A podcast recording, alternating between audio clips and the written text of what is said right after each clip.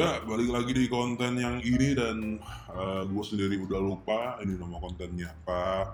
Yang jelas kalian udah tahu kalau konten ini tuh dibikin, dibuat uh, pada saat senggang-senggangnya aja. Uh, memang ini ya platform atau kerjaan gitu uh, konten kalau nggak ada motivasi duitnya tuh nggak bakal bisa berjalan lancar gitu. Ya kalau gue belajar dari gue gue ngeliat ini sih uh, ini dari dari gue sendiri ya. Uh, medium kagak jalan uh, Spotify juga podcastnya kagak jalan YouTube pun juga males. Emang ngerjain di Instagram itu udah paling enak lah. Nah, kemarin juga di Twitter udah mulai rame. Uh, eh sih semuanya mesti di monetas monetas segala gitu ya tapi ini mungkin masukan buat ini ya buat uh, Spotify gitu atau platform-platform sejenis gitu kayak ya Spotify, Noise gitu. Mungkin kalian bisa mikirin program untuk uh, revenue sharing gitu kayak kayak yang pernah YouTube lakukan ke konten-konten kreatornya. Gue yakin itu konten kreator bakal bakalan rame. Gue gue yakin. Ya walaupun sekarang juga udah, udah rame sih ngapain ngapain juga ya. Tapi setelah gue pikir-pikir sih uh, kayaknya nggak kayaknya nggak usah deh. Spotify nggak, Spotify noise nggak usah uh, pikirin gimana caranya biar konten kreator kalian itu bisa dapetin duit dari konten-konten yang disubmit. Uh, soalnya kalau misalnya itu kejadian ya, gue nggak bisa ngebayangin sih. Suatu hari Pak Imbong itu akan datang ke situ dan kira-kira konten podcast apa yang bakal dibuat sama dia. Maksudnya, uh, gue nggak tahu ya. Uh, konten sedih-sedih itu dia bakal bakal bikin kayak gimana gitu kalau formatnya itu podcast. Apakah dia akan mau wawancara uh, orang-orang miskin gitu terus uh, nanti bakal ada sesi nangis-nangisnya. Jadi lu bakal ASMR mendengar tangisan orang miskin. Cuma ya ya mungkin mungkin bisa dicoba kali ya. Uh, noise, noise, noise mungkin uh, bisa bisa coba bikin uh, ngundang Bayi Buang gitu untuk uh, bikin konten eksklusif di noise. Gue mau lihat itu kira-kira kontennya itu bakal kayak gimana. Apakah dia tertarik atau hmm, kayaknya nggak ada yang bisa di uh, tangisin gitu kalau kontennya audio. Tapi kalau misalnya itu kejadian tuh bakal seru sih. Uh, gue nggak tahu ya. Kayaknya kita bakal bisa punya cara lebih gitu untuk menyentuh hati orang. Bahkan nggak usah dengan komponen uh, visual hanya dengan menggunakan audio talk. Itu tuh kita udah bisa bikin orang jadi sedih gitu. Itu itu bagus sih. Ya lama-lama orang jadi makin lama makin lembek makin lembek makin lembek gitu kan. Hmm. Uh, ngomongin soal lembek-lembek gue kemarin habis nggak dirujak sih cuma ya agak agak dikritik kok sama siapa lagi kalau bukan adik-adik di Twitter. Emang ya. Jadi berapa hari yang lalu itu gue iseng-iseng aja tuh nge-tweet kan karena ada tweet uh, random gitu muncul. Gue lihat iklannya ini iklannya pinjol. Ya udah terus gue nge-tweet gitu. Uh, gue nanya kan menurut gue sih itu nanya gue nanya kenapa uh, model iklannya uh, pinjol itu nggak ada yang cakep-cakep gitu ya? Uh. Awal-awal itu ya orang menganggap itu sebagai lelucon pada ketawa-ketawa pada setuju. Dan dan gue yakin juga uh, kalian suka atau gak suka itu susah untuk untuk untuk nggak untuk nggak setuju gitu. Bahwa ikan uh, model-model iklan pinjol itu jelek cuma kan gue nggak bilang nih jeleknya itu apa gitu kan ya ngeles kan. Memang mengarah ke fisik sih tadinya coba. Uh, gue lama-lama dicap ini uh, apa namanya body shaming katanya. Gue nggak tahu ya uh, batasan body shaming itu apa gitu. Uh, apakah ketika gue bersuara uh, apa namanya misalnya, misalnya gini deh uh, lu jelek ya menurut gue lu jelek gitu. Dan gue bilang cuy lu jelek itu body shaming atau atau gimana sih? Gue nggak tahu antara itu antara uh, body shaming kah atau memang gue berkata jujur aja gitu mengutarakan perasaan gue ya uh, memang pagarnya tuh tipis gitu kayaknya. Beda kok kalau karena kalau menurut gue ya, kalau body shaming itu misalnya lu gendut. Nah itu gue ngetawain kegendutan lu gitu. Gue nggak bilang uh, bu bukan bukan body shaming itu menurut gue bukan lu gendut dan gue bilang cuy lu gendutan gitu. Itu bukan body shaming sih. Ya body shaming misalnya kalau lu gendut dan gue bilang uh, gue ngatain lu cuy lu kayak bola bowling deh atau lu lu kayak kantor pos aja gedenya itu mungkin body shaming. Cuma kalau lu jelek dan gue bilang lu jelek itu jujur. Ya, ya namanya juga ini ya lagi-lagi Gen Z Gen Z. Tapi gue gak percaya uh, gini gue lama-lama itu nggak percaya dengan stereotip Gen Z yang uh, apa-apa itu dikomentarin. Itu tuh bisa berlaku untuk semua Gen Z. Gue percaya bahwa ada kok di eh, pelosok-pelosok daerah sana tuh Gen Z juga orang ini tergolong Gen Z dan dia memang kalau mau dibilang kuat ya lebih kuat bahkan lebih kuat dari generasi-generasi di atas gitu. Gue rasa stereotip Gen Z lembek ini memang cuma cocok disematkan sama kalian-kalian aja nih yang ada di kota-kota besar gitu gue percaya kok kalau di pelosok sana memang ada Gen Z yang kuat eh serah deh mau tersinggung mau apa juga bukan urusan gue ngomongin apa ya? Oh, kita mau ngomongin soal AI. Nah, ini AI rame nih. Uh, jadi belakangan gue banyak ngobrol di DM gitu kan, ngobrol sama beberapa uh, followers di DM. Itu tuh banyak kebahas tentang AI uh, dan katanya di kalangan tertentu gitu, kalangan profesi tertentu itu tuh AI uh, eh, ramai dibicarakan gitu. Mereka banyak uh, banyak yang menolak uh, dengan keberadaan AI ini gitu. Karena menurut mereka ya si AI ini nggak etis lah. Uh, menurut mereka ya AI ini nggak etis udah nyolong-nyolong style-style uh, mereka kayak gitu-gitulah. Nah akhirnya gue bertanya dalam hati ya, kira-kira AI itu suatu hari bisa ngegantiin UI UX designer gak sih? Nah, lalu kemudian gue ngeliat di explore gitu kan tiba-tiba muncul uh, reelsnya Mas Kuku, Mas Kuku Aldi. Uh, itu tuh Mas Kuku juga di reelsnya tuh ngebahas tentang uh, apa namanya apakah AI kalau kata Mas Kuku itu bisa ngegantiin uh, UI UX designer gitu.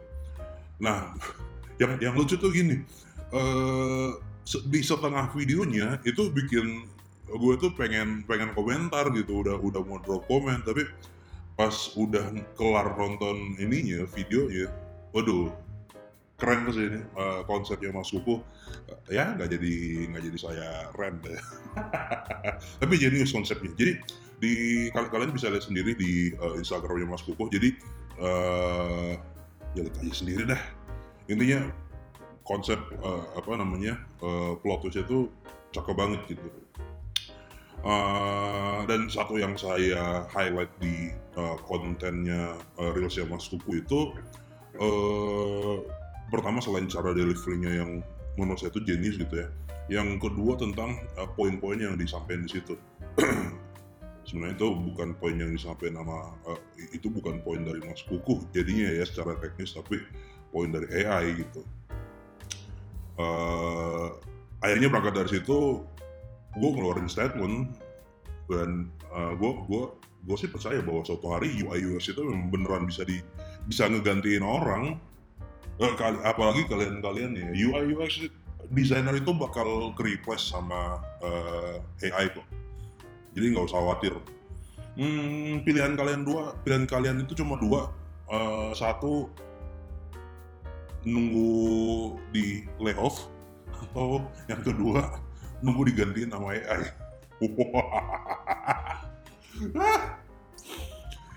ah, gini, apa yang membuat gue percaya bahwa uh, suatu hari itu AI bakal menggantikan pekerjaan UI UX designer? Ini kalau kalian lihat di Dribble ya, uh, ya lagi-lagi kita berangkat ke Dribble deh.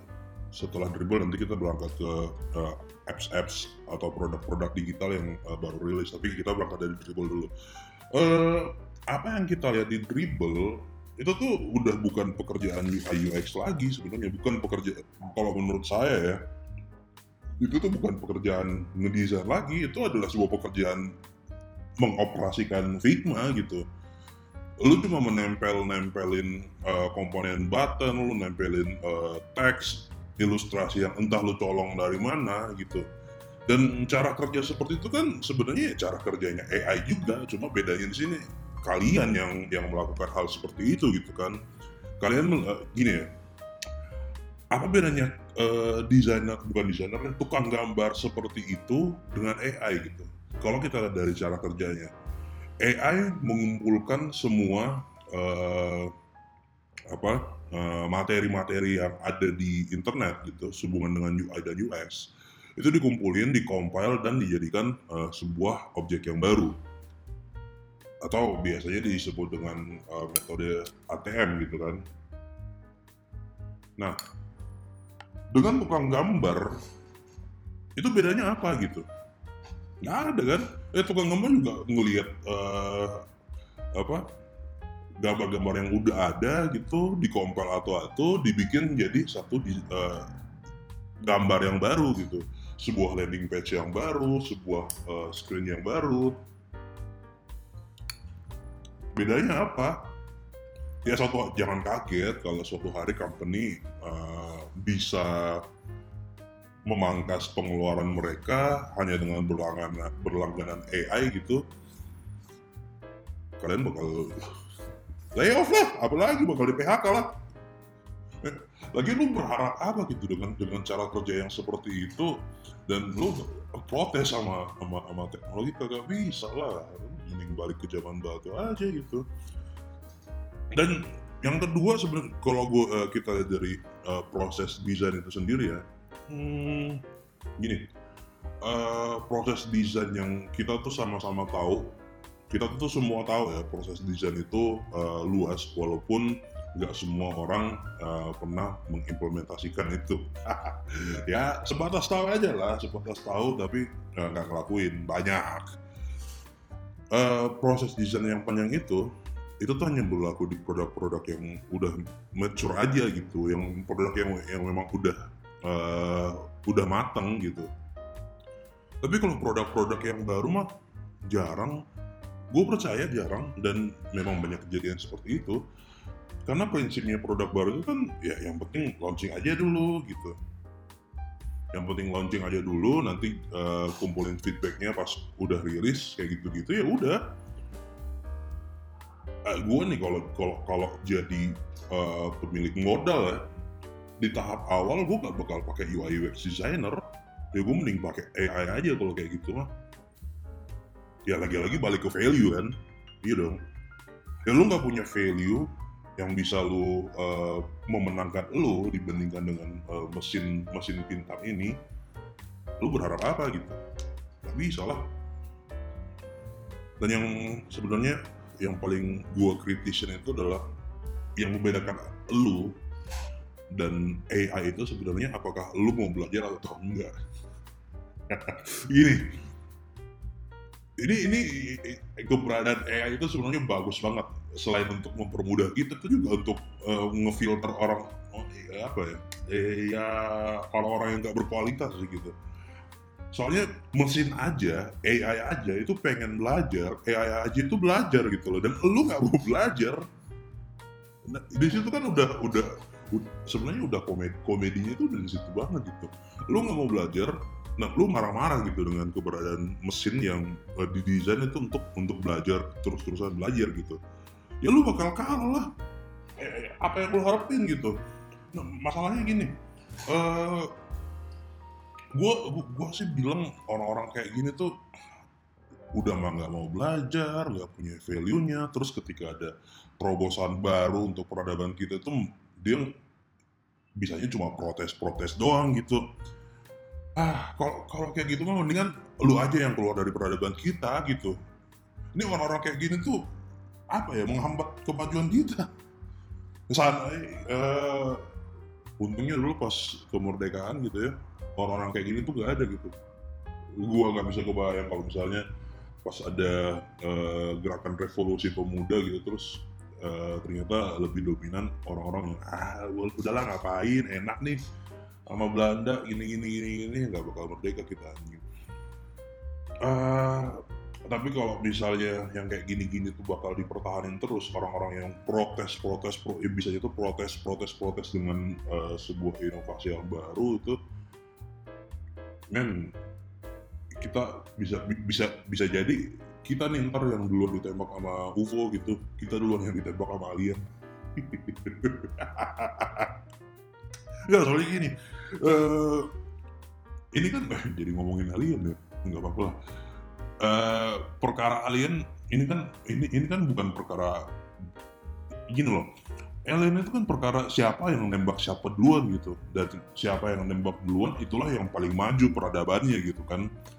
Nah kalau kita mempertahankan orang-orang seperti ini gue yakin kok suatu hari nanti mungkin di 2045 atau di 2000 berapa gitu ya duluan duluan kita yang ditembak di di, di disamperin sama alien gitu uh, orang dari penghuni Mars itu udah datang ke sini dan kita masih ngeribetin soal AI dan profesi UI UX gitu.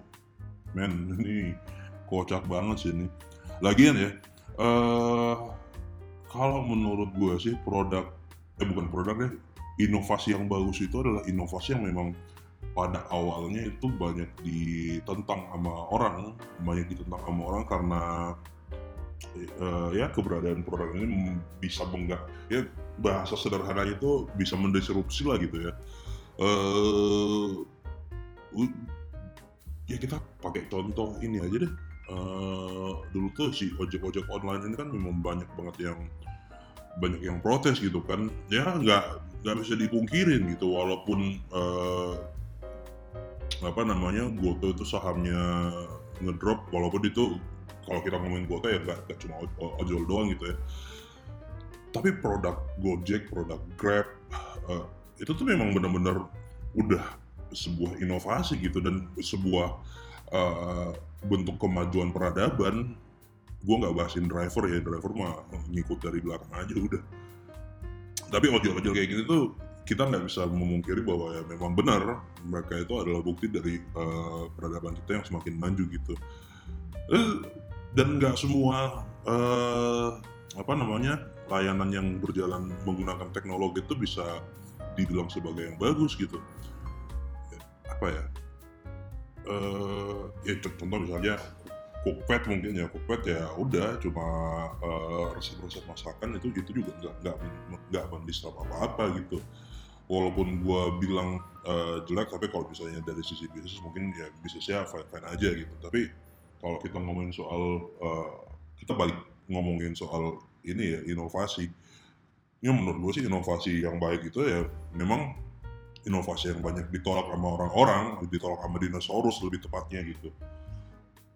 Dan akhirnya uh, eh, UI UX profesi UI UX itu tetap bakal terganti gitu. Kita kita nggak usah ngobrol panjang lebar tentang uh, proses desain itu tentang psikologi, tentang ini itu segala macam. Cuy, kalian nggak melakukan itu kok gue percaya. Siapa sih di sini yang coba coba coba, coba angkat tangan gitu. Kalau misalnya lu dengerin dalam proses desain itu coba uh, apa namanya melakukan pendekatan misalnya secara uh, lu melakukan pendekatan pendekatan sosial gitu. Uh, gua rasa enggak ya.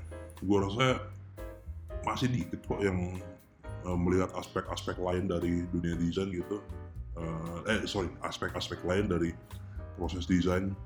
Karena ya di matanya orang ngedesain itu ya tinggal nyalain Figma uh, ambil ske, apa namanya pen and paper gitu kertas coret-coret jadi gitu. Dengan semua istilah-istilah crazy eight uh, y y y segala macem kayak gitu huh. lu bakal diganti kok sama AI gak usah takut